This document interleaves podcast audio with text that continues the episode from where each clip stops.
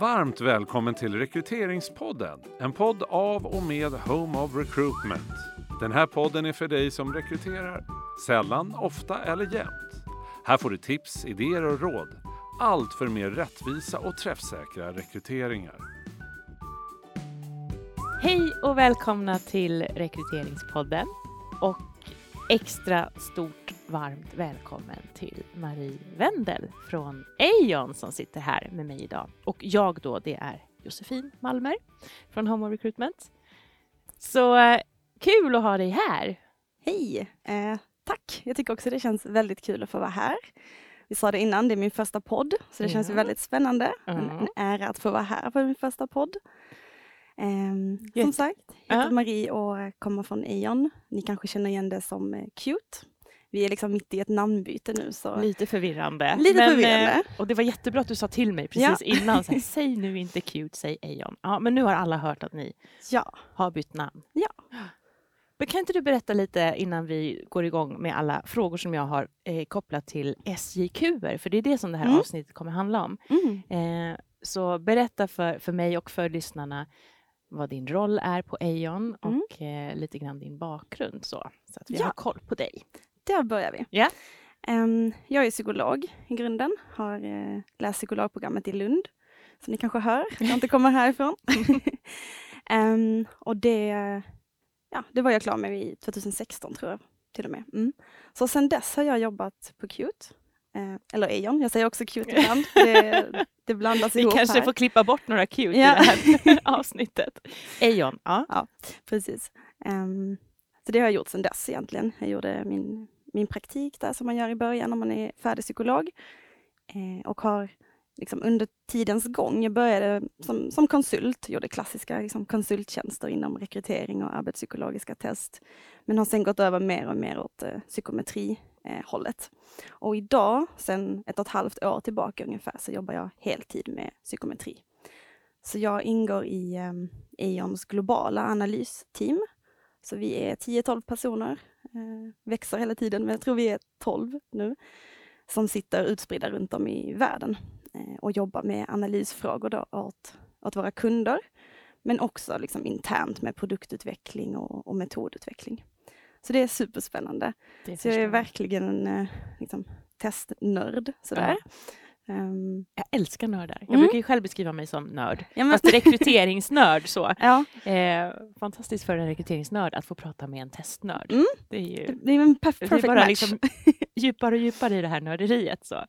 Jättekul. Och nu ska vi prata om ett område som i alla fall inte jag har så jättemycket erfarenhet eller koll på, måste jag ju erkänna. Trots att jag är nörd inom Mm. rekrytering. Och det handlar ju om det här med SJQer. Ja, Ja, och först och främst så undrar jag faktiskt så här, vad är det? Alltså, men det är väl, det är väl bra att börja där. Ja. Och eh, jag kan erkänna att jag visste inte heller vad det var innan jag började Nej, eh, skönt på Eon. Ja. Men eh, ganska tidigt liksom, så fick jag vara med och ta fram ett sånt här SJQ. Och sen dess har jag jobbat med ganska många olika eh, och lärt mig mer och mer om det. Och ett SJQ, eh, de första fanns faktiskt redan för typ 100 år sedan. Och man kan säga att det är ungefär som en blandning mellan ett test och ett arbetsprov. Så Okej. brukar man kunna beskriva det. Det det betyder är Situational Judgment Questionnaire. Eh, Man kan också ibland höra SJT och det är liksom samma sak. Då är det Situational Judgment Test. Så, Okej. så om man, om man liksom stöter på de begreppen så kan man bara tänka att det är samma sak. Ja. Eh, och det man, man gör i de här testerna, det man ställs inför, är helt enkelt olika situationer som uppstår i arbetet. Och vi brukar beskriva det som kritiska situationer. Ja. Det vill säga situationer som uppstår där du som anställd behöver liksom välja, hur ska jag agera här? Och där det också finns liksom ett rätt agerande. Eller Ja. det finns ett agerande som är bättre i alla fall än ett annat. Och det finns kanske också något alternativ som är direkt vad vi inte söker, eller? Nej, det där är lite, man kanske tänker det. Ja. Att så här, ehm, om, om vi tänker att man jobbar på ett café till exempel och så kanske scenariot handlar om att en, en kund kommer in och, och skäller ut dig för att eh, det var smutsigt på toaletten, jag vet inte. Ja. Det kanske man inte skulle ha för det är lite negativt så. Ja. Men eh, låt oss säga att man skulle ha det. Ja. Bullen var torr. Ja, då skulle man ju inte ha ett alternativ som är men jag, jag tar bullen och kastar den på, på kunden. Liksom. För det, det finns ingen som skulle välja det. Nej. Så. Nej. Eh, och eh, man, man kan ju ha med något sånt för att det kanske är kul, inte just det, men alltså, man kan ha med vissa sådana, men då skulle man inte liksom poängsätta dem, utan Nej. då skulle man snarare ha med dem i någon typ av Kandidatupplevelse. Kandidatupplevelse. Ja, jag förstår. Ehm, utan det, det viktiga är ju att man ser till att alternativen är liksom realistiska. Alltså, det finns människor som gör så här, men det är fel. Mm. Och, och det vet väl alla som har jobbat med, med något. Så här. Vissa kollegor bara sköter situationer lite sämre och Mm. kanske sköter andra situationer bättre. Eller så. Mm. Ja men gud vad spännande. Mm. Skulle man eh, kunna ha det som en röd tråd för avsnittet, det här liksom café eh, Absolut. Som ett exempel. scenariot så? För jag tänker nästa fråga från min sida blir då, ja men låt säga att vi söker ett kafébiträde då, eller vi, vi, det här är den jättestora Mm. kafékedjan och nu så ska vi rekrytera vår sommarpersonal och vi vill Mm. använda SJQer och hos oss så har vi vissa sätt som vi tycker att man ska Precis. jobba med, liksom kundservice eller bemötande eller Mm. samarbete eller vad det nu är för Mm. någonting. Hur skulle man då liksom göra för att tillsammans med, med dig då eller eh, med någon annan Mm. eh, ta fram ett SJQ? Ehm, det första steget är ju det som man, man kallar för arbetsanalys eller jobbanalys. Mm. Helt enkelt ta reda på vad, vad jobbet innebär, vilka krav som finns i jobbet och som vi var inne på, vilka situationer kan uppstå i jobbet.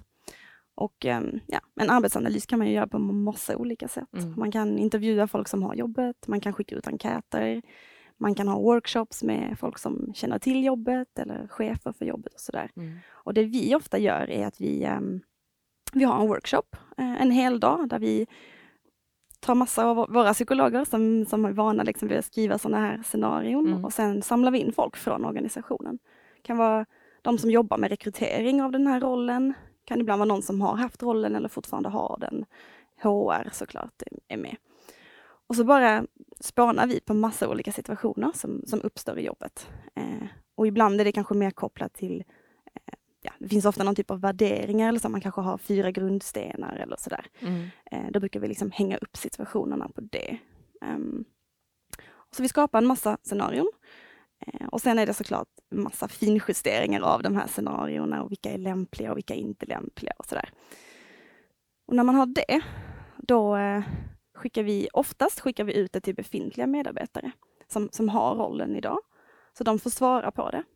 Ehm, samtidigt som vi samlar in någon typ av kriteriedata. Det kan vara arbetsprestation eller ja, oftast är det arbetsprestation helt Mm. enkelt. För det är oftast det som man vill mäta med olika typer av tester. Så med det sagt så är det bra om man har kopior eh, sen tidigare när man ska ta Absolut. fram de här SJQ, Mm. Ja. ja. Eller så gör man eh, med chefsskattningar Mm. eh, som man samlar in då liksom samtidigt som, som de gör testerna. Ehm, så det är det vanligaste. Ibland kan det också vara att man liksom testar det här testet Mhm. eh, medan man rekryterar under sommaren. Så man lägger det bredvid ett vanligt testpaket den första gången och samlar in liksom personlighetstest och, och begåvningstest också samtidigt som man gör det här liksom utprövningsversionen. Då får man in liksom väldigt bra data för då är det ju faktiskt folk som söker tjänsten. Ehm, Men det viktiga är i alla fall att när vi har den här datan på de, liksom den första versionen, pilotversionen skulle man kunna kalla det, då, då börjar det roliga tycker jag. Ja, ja. För då handlar det om det psykometriska här. Att eh, kolla vilka av de här scenarierna faktiskt funkar. Vilka scenarion kan hjälpa till för att liksom skilja högpresterarna från lågpresterarna. För att de flesta har ju hög och lågpresterare Mm. ehm, i, i, på, liksom på jobbet. Ehm, så att kolla att vi får en bra validitet, att vi får en bra reliabilitet och att den liksom slutgiltiga versionen eh, innehåller sådana scenarion där, där folk faktiskt svarar olika. Mm. Så att vi inte bara har de här scenarierna där alla har sagt rätt. För då har vi ingen spridning i testresultatet så är det helt meningslöst att Nej, använda det. Ingen Eh. svarar att de kastar bullen. Nej. Eller kanske en procent, men det En räcker inte heller. Nej, nej. Ehm, Men kan man då tänka att det är liksom vända två egentligen som är den mest träffsäkra. SJQ-vändan? Exakt. Så det är alltid minst två vändor. Mm, mm. Så, det är alltid en utprövningsversion, så som vi jobbar i alla fall. Det är möjligt att det finns andra som, som skickar ut det direkt, men det, det gör inte vi. Utan första vändan så är det liksom samla in data och andra vändan då har vi ett test som vi vet funkar, där vi har liksom dokumenterad just liksom, validitet och, Mm. och reliabilitet. Mm. Annars, annars kan vi inte använda det.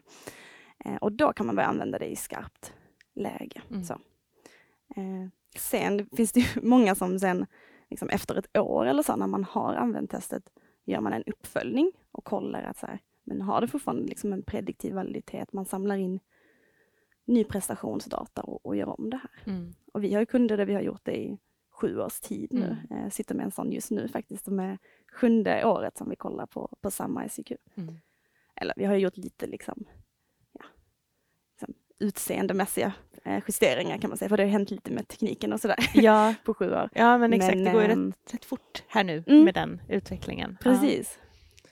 Ja, men vad spännande. Eh, jag får massor med följdfrågor här nu. Eh, jag ska bara tänka vilken jag ska ta först. Ehm, för det jag funderar på är ju eh, validiteten lite Mm, grann. mm. Eh, jag, jag föreställer mig att, att eh, det du och dina kollegor går in och tittar på, det är liksom kopplingen mellan vad kandidaten svarat på de här situationsfrågorna eh, frågorna och sedan arbetsprestation på något Oftast sätt. så. Mm, Oftast så. mm. Eh, hur pass liksom... Det måste ju bero väldigt mycket på den datan som eh, verksamheten har lyckats samla in. Finns det inte Mm. en risk att validiteten liksom blir... Eh, att det blir lite liksom fel, helt enkelt? Ja, men det, vi, vi kan börja där. För att det är dels den här kriterievaliditeten, Ja. men vi kollar ju också på vad man ska kalla för begreppsvaliditet. ja. Eh, som ju handlar mer om vad, vad mäter vi i testet? För det är kanske lite det vi kommer in på här. Vad, vad är det vi mäter egentligen? Ja. Och i den här utprövningsversionen som jag beskrev, då skickar vi nästan alltid också ut personlighetstest och begåvningstest. Just för att kunna se liksom, vad är det vi mäter i just det här SIQ-et. Så, förlåt. Måste, så det ni mäter i SIQ är egentligen delar av personligheten och, delar av, och eh, begåvning i någon form? Precis, och det här, det här är spännande. För Ja. det är väldigt olika i olika organisationer. Eh, I vissa organisationer så kanske jobbet är väldigt starkt kopplat med conscientiousness eller, Ja. eller sådär, vissa liksom Ja. klassiska personlighetsdrag. Eller på kaféet med agreeableness kanske? Exakt. Ja. Exakt. Och conscientiousness. Ja. Medan eh, på andra jobb så är det ganska så här, man behöver vara ganska logisk, man behöver ha kanske en hög liksom, numerisk förmåga och då, då kan vi se kopplingar till det. Så att det vi, det vi gör i den här eh, liksom första, när vi skickar ut det första gången, det är ju att vi vill, vi vill samla in så mycket data som möjligt så att vi förstår vad just det här testet mäter. Ehm, så då, då får vi in lite av det också. Och ofta är det en, en viss del personlighet och en viss del begåvning. Mm. Men ofta ser vi att det finns, det finns någonting annat, liksom odefinierbart, som inte kan förklaras av personlighet och begåvning. Och det är just det här vi tänker kallas omdöme. Mm. Och eh, där kan man se att vissa personer kanske använder sin logiska förmåga till att liksom, avgöra vad som är rätt i en situation. Medan andra personer kanske mer använder sin personlighet. Mm. Men Eller sin erfarenhet kan jag också tänka mig. Erfarenhet, absolut. Och då är det lite så här, ja men egentligen spelar det någon roll om de använder sin begåvning eller sin erfarenhet eller sin personlighet för att komma fram till vad som är rätt.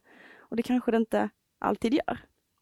Nej, det huvudsaken är ju att de gör man det, det som i vi anser vara rätt sätt att agera i Mm. den rollen de, Mm. de agerar i. Mm. Och, eh, och när man kollar på kriterievaliditet, om vi återkommer till, till den biten, så, så ser vi ofta att det ligger ungefär i linje med, med personlighetstest och begåvningstest. Ehm, men också då att det ofta tillför inkrementell validitet. Mm. Så oftast när folk sen använder det så kanske de kombinerar det med ett begåvningstest eller med ett personlighetstest också. Mm. Om, om de till exempel vill ha intervjuunderlag eller så, så kan det vara många som kombinerar med ett personlighetstest. Okej, okej.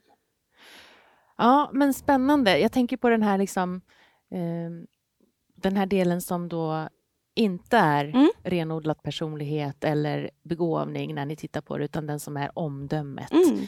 Om den delen är ganska liten när ni tittar på det, Mm. kan man då välja att så här, äh, strunt samma, då tar vi bara personlighetstest och begåvningstest, för den här delen tillför ju faktiskt inte så mycket. Eller använder man det ändå? Jag, jag föreställer Mm. mig att man också har nytta av den här typen av eh, test eller frågeformulär eh, utifrån kandidatupplevelsen och Exakt. transparensen kring tjänsten. Men jag tänker så här, någonstans så får man också fundera utifrån kandidatupplevelseperspektivet kring Mm. hur mycket ska vi utsätta våra kandidater för? Ska de både Mm. göra en SJQ, ett personlighetstest och ett begåvningstest och kanske till och med skicka in någon typ av personligt brev Mm. och en CV? Då börjar det bli lite, Ja, lite mycket kan jag, kan jag ju då tycka. Så. precis. Gud, många frågor i en. Men Ja, egentligen var det så här, vi- vad gör ni med den här omdömesdelen om den delen inte är så stor? Det man får se är ju helt enkelt, men vad, om vi säger att vi har skickat ett personlighetssätt, begåvnings och det här SIQ. Eh, skulle det vara så att SIQ liksom har jättedålig validitet eller så här, det, det predicerar inte alls arbetsprestation, ja, men då, då har vi gjort något fel. så Ja, kan man säga. ja. Det, har, det har aldrig hänt i alla fall hittills.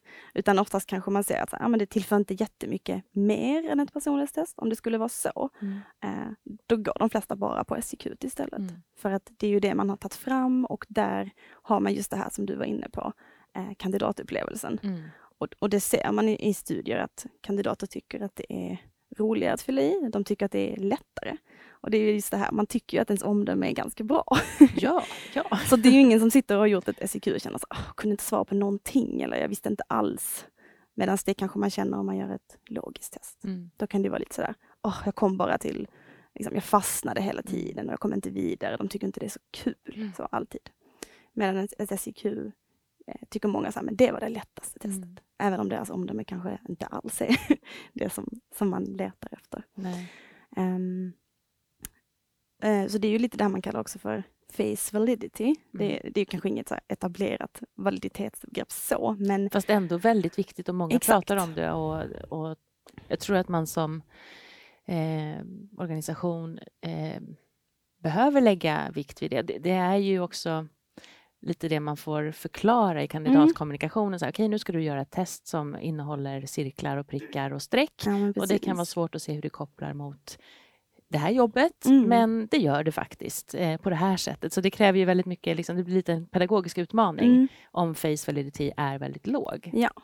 Så. Ehm, precis. Och, ehm, och liksom, kandidater som gör ett, ett test som handlar om hur ska du ta hand om en kund som kommer in på kaféet där du söker jobb. Mm. Det är ofta så glasklart varför det är relevant för Mm. jobbet. Mm.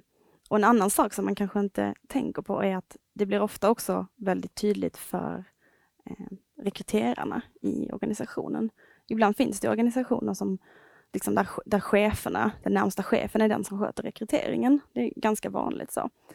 Eh, och där kan vi ibland känna att det är en liten utmaning att förklara varför en, en fyra är bättre än en trea på något test som de aldrig, liksom, alltså även om de är utbildade så kan det vara, kan det vara svårt. Verkligen. Mm.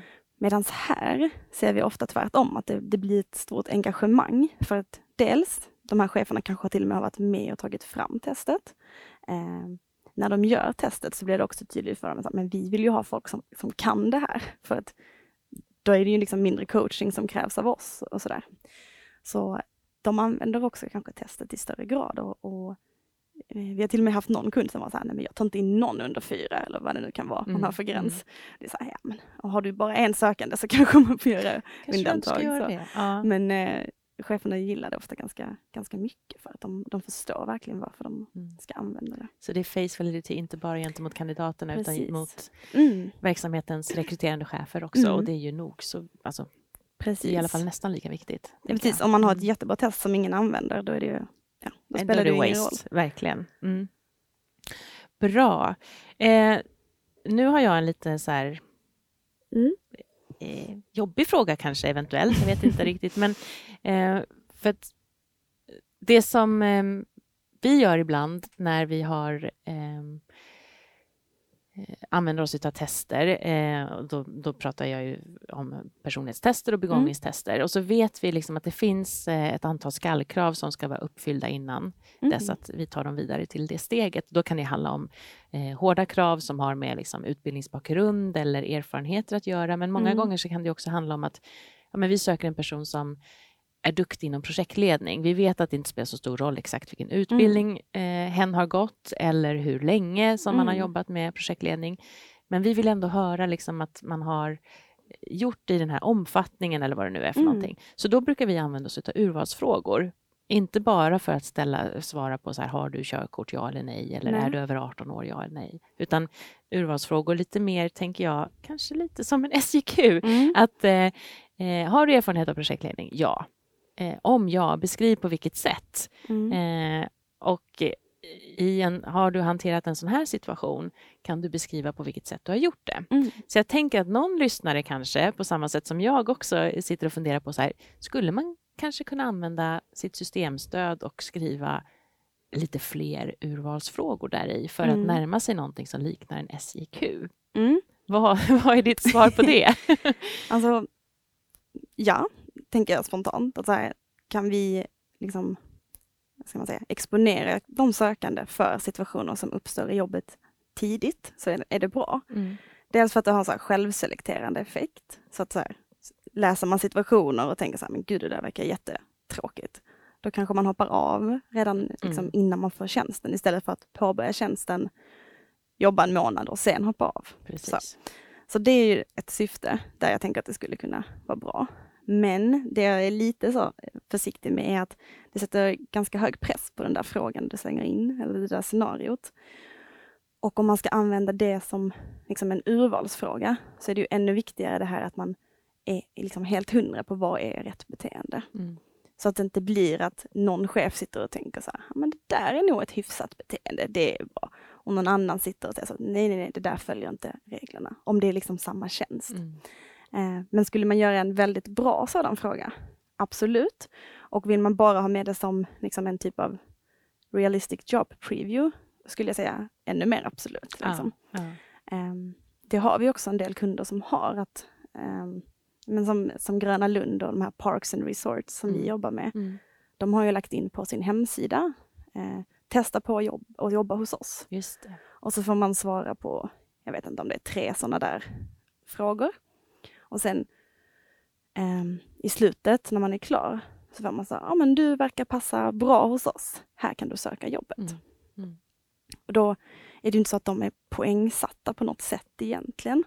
Eh, men man får ju en, en hänvisning om att säga, ja men bra, så här gör vi när vi Mm. jobbar. Mm. Om man Du verkar rätt. dela våra Mm. värderingar, eller det är det här som jobbet går ut på. Exakt. Ja, låter det kul för dig? Ja. Mm. Och då eh, kan de sen söka. Det blir en del av attraktionsbiten egentligen. Exakt. Ja. Mm. Bra, då förstår jag. Så Mm. att det går inte.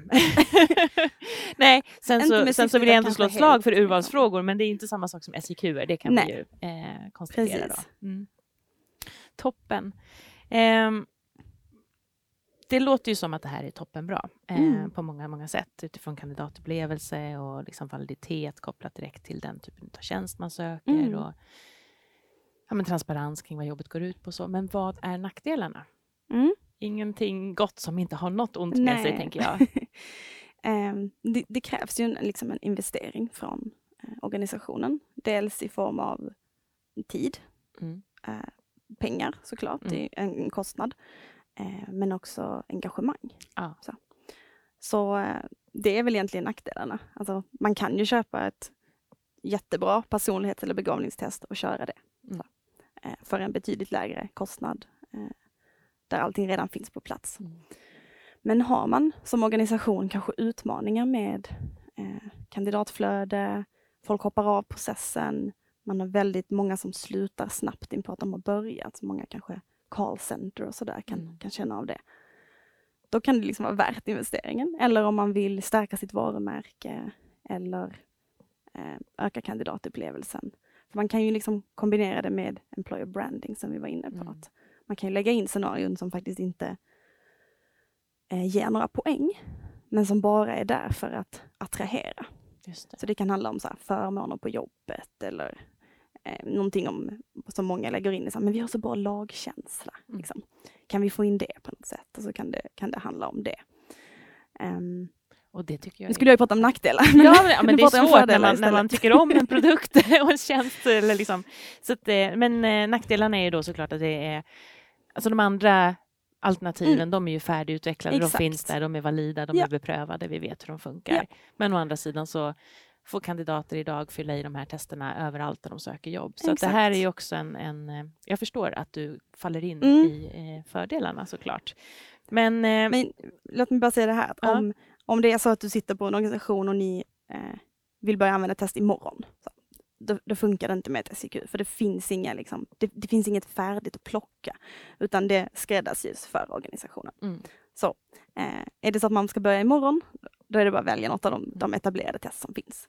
Men vet man att ja, men nu har vi eh, liksom möjlighet och vi, vi vill satsa på det här, då skulle jag säga då är det bara att köra.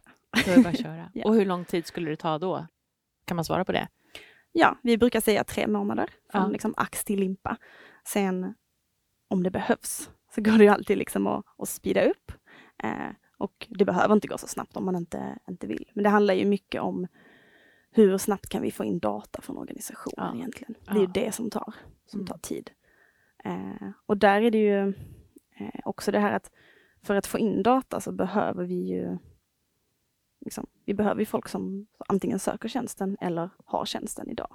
Så om det är ett litet bolag med tio anställda, så så här, vi kan inte göra en, en, inte liksom, göra en psykometrisk studie Nej. på det här Nej. för att det är alldeles för få personer. Så det är också en sak som, som kan hindra då. Så med det sagt, alltså, det är inte ett alternativ för alla Nej, verksamheter? nej. Nej. Eh, apropå det här då med investeringen och så nu om man Mm. ändå gör den och låt säga om vi fortsätter då med den här röda tråden som kanske inte hängt med så jättemycket. men om man på kaféet eh, helt plötsligt också eh, inser att nej, men vi ska börja baka våra egna bullar. Mm. Eh, den här arbetsbeskrivningen och därmed Mm. också kompetensprofilen för det jobbet förändras Mm. ganska eh, mycket. Så. Mm. Vad händer då med SJQ? Då, måste, då kan jag tänka mig att då funkar det ju inte längre fullt ut. Är det hela den investeringen liksom helt bara ner i papperskorgen? Eller? Nej, så illa är det inte. Nej. För det händer ju precis det Ja. du säger, att jobb förändras och, och speciellt om vi kollar så här sju år över tid till exempel, då, då kan man ju tänka sig att det finns nästan inget jobb som är precis likadant. Ehm, men när vi tar fram de här eh, frågorna eller scenarierna så brukar vi ha vissa som är väldigt så här, grundstolpar. Det kan handla om att så här, komma i tid till arbetet till exempel. Det kommer alltid vara relevant. Eh, hur man... Ännu mer om man ska börja baka. Exakt. För då måste man antagligen vara där sjukt tidigt. ja, verkligen. Eh, men man har liksom arbetskläder, alltså man har rätt uniform och man har ett jobb där man kräver uniform. Hur man behandlar sina kollegor. Det är sådana saker. Mm. Och så länge de är samma så kan vi ibland lägga in, kan ha 5-10 frågor kanske, som, som jag var inne på, som inte ger poäng. Som är där för utfyllnad eller för employer branding. Och de kan man byta ut hur man vill egentligen. Mm. Eh, och även om vi inte liksom ger dem poäng så samlar vi fortfarande in data. Och då kan vi till exempel året efter se, men det här liksom, scenariot om att baka, hade det någon, någon validitet? Ska vi låta det liksom hänga med in i grund... Bulken. Om man har smugit in det liksom i förväg Precis. innan dess att man börjar ta in folk som faktiskt ska göra det i sin roll så kan man använda den datan för att se Precis. hur presterar de när de säljer bullar och koppla ihop det på något Exakt. sätt. Ja. Eller så här, liksom, vi brukar ju prata om någon typ av generell arbetsprestation, ofta att det är det man, man mäter med, med det. Ehm, och då, man kan lägga in det när man, när man börjar baka bullar på kaféet. Mm. Då, då byter vi ut ett annat scenario som kanske handlade om ja, hur man hanterade den där kunden eller vad det nu kan ha Mm. varit. Eh, och låter det rulla. Så att vi får in data på folk som söker jobbet eller sådär. Och sen kan vi utvärdera och se, men just det här scenariot, hade det, liksom, tillför det någon validitet i det, i det här testet? Eller ska det fortsätta bara vara kvar för att vi vill beskriva hur jobbet går till? Spännande. Mm. Och där har vi också kunder som eh, liksom, kan, man kan byta ut vissa delar i ett item också. Eh, item, scenario, fråga, jag vet Mm, aldrig vad jag mm. ska kalla det. Eh, det kan ju vara, men på kaféet så kanske på, på hösten kanske du har en viss typ av pumpkin spice latte eller vad det nu heter. Ja. eh, Medan på våren kanske den heter något annat. Mm. Då går det ju att byta ut bara det där ordet. Um, det tappar man ju liksom ingen, ingen validitet i frågan. Eller om man har en speciell meny under sommaren eller sådär. Mm. Och det är ganska kul för då kan man, eh, kan man liksom hela tiden se till att det känns fräscht och uppdaterat för kandidaterna. Just det. Och det har vi också gjort på eh, kunder som till exempel jobbar både i Sverige och Norge. Så vet jag att vi hade någon så här kanelbullens dag, i, handlade det ett, ett item om, Mm. men, så är det så här, men det har vi inte i Norge. Vi bara, nej just det. och då fick man ju byta ut det till någon annan typ av bakverk Ja. som de använder i Norge. Så att, äh, det är också ganska kul. Vad äter man om inte kanelbulle, tänker jag. Eller hur? Ja. Jag vet faktiskt inte, jag kommer inte ihåg vad vi landade i. Gud vad mycket bullar det blev här. ja, men det vi är väl härligt. på bullar kanske. Det, det kanske är dags för att ta en liten fika. Mm. Ja, men vad bra. Nu ska vi se här om det är någonting mer som jag har här bland mina frågor som jag inte gått igenom. Jag kan nog inte riktigt eh, komma på någon mer fråga just nu. Har du någon, Marie, som du tänkte så här, men den här Mm. ville jag nog att du, hon skulle fråga om så att jag fick ha det här sagt? En, en sak som jag tänkte på Ja. när jag lyssnade på lite, lite gamla avsnitt här Ja. från, från er podd var att eh, ni brukar hamna lite i så här, men vad, vad, vad är nästa steg? Liksom Ja. framåt i tiden. Det är en bra fråga. och det tänker, tycker vad vi kommer är väldigt hända spännande. inom SIQ-branschen Mm. framåt? Precis, och det har ju redan hänt ganska mycket om man tänker att, som jag var inne på i början, att det här startade typ ni- 1920-talet så kan man tänka sig att det har hänt. Och den är Ganska mycket. Vad gjorde man då för SIQ? Ja, då var det just um, liksom papper och penna, gå igenom olika situationer och, eh, och liksom besvara hur man, hur man agerar. Så Ja. det är ju ett, ett typ av, av arbetsprov fast på papper. Ja, Så. Ehm, men nu idag så jobbar vi ju med ehm, en del interaktiva format, att, som ett chattformat kan det vara till exempel. Att det är nästan som att du får ett sms och så eh, kan det vara liksom, den blivande kollegan som liksom säger hej, eh, kan du komma in och jobba på torsdag, vi behöver folk. Eller vad det kan vara. Mm. Och så får man välja hur man skulle besvara det. Och det finns ju redan. Eh, samma sak att man istället för att läsa ett scenario så kanske man får se en filmsnutt. Och sen får man välja ett agerande. Och jag tänker lite att nästa steg kanske, jag vet inte om mina kollegor på Eon tänker det, men jag tänker det, är att man, man får se den här filmsnutten och sen kanske spela in sig själv när man svarar, så att man kombinerar det med videointervju. Eh, det tänker jag skulle vara jätteanvändbart. Liksom. Ja. Man, får, man får se en, eh, ett scenario spelas upp och sen riktas kameran mot en själv och så får man liksom, agera. Mm. Och där kan man ju liksom, koppla på en automatiserad scoring med hjälp av AI och sådär. Jag tänker att det finns hur mycket som helst att göra. Eh, det tycker jag hade varit häftigt. Det hade varit häftigt. Mm. Jag börjar fantisera om så här VR. Jag tänker att i en framtid nu Absolut. så har vi alla sådana VR-möjligheter. Mm. liksom. Och man kliver in där på Ja. kaféet och står bakom disken och så kommer Ja. kunden in liksom, och beställer någonting jättemärkligt och Mm. du får liksom agera. Eh, så. Och sen så Absolut. bedöms det av AI Ja, och så bara fluff, så att vi går liksom mer mot kanske arbetsprov än Mm, test mm. Eh, framöver i tiden, tänker jag. Eh, och det är, väl, det är ju det man vill åt egentligen i, i test. Man vill ju försöka få ner arbetsprov på ett, liksom, ett enkelt format. Ja. Så. Så att man kan skicka ut det till många. Men du, då kom jag på en till. Den här gamla tabellen, Schmittenhunter Mm. och liksom, eh, prognostisk validitet i Mm. olika urval. Skulle man kunna dra det upp ända där till arbetsprov om man får till ett bra SIQ Mm. i, i liksom, eh, validitetsmått? Ja. ja. Det har vi sett eh, på vissa organisationer, just att man hamnar på alltså, väldigt hög eh, validitet. Vad är det Mm. högsta ni har kunnat se? Jag tror det var typ så här 0,70 Ja, någonting. ja, Eh, men, och där är det ju samma sak, ju mer specifikt, ju mer specifik rollen är, desto liksom, träffsäkrare blir det. Ja. Vi jobbar ju också med, med så här organisationsöverskridande, som mer handlar om värderingarna kanske, som är gemensamma för alla roller. Och då blir det ju mer än employer branding och mer ett sätt att få in sina värderingar i rekryteringsprocessen. Och även om det, det fortfarande är till för validitet så kanske det inte blir lika liksom, pricksäkert som de där extremt specifika rollerna som kanske men barista Mm. på, på ett café där Mm. det är så här, du har de här tio arbetsuppgifterna eller 20 eller 30 eh, och det är det. Mm, mm. Bra! Mm. Tack! Det här var jättespännande. Vad kul jag har lärt mig massor. Ja. Eh, nu vill jag ha ett SIQ. Ja, det var, det var målet. eh, bra, men stort, stort tack Marie för att du var med. Tack för att jag fick, fick vara med. Ja, självklart. Och så, eh, vem vet, vi kanske får möjlighet att ta fram ett SIQ tillsammans. Ja, eh, det hoppas jag framöver. verkligen. Ja. Bra, då säger vi hej då och slut för idag. Tack, hej! Hej hej! Du har hört en podd av Home of Recruitment. Om du vill komma i kontakt med oss, skicka ett mejl till info at homeofrecruitment.se.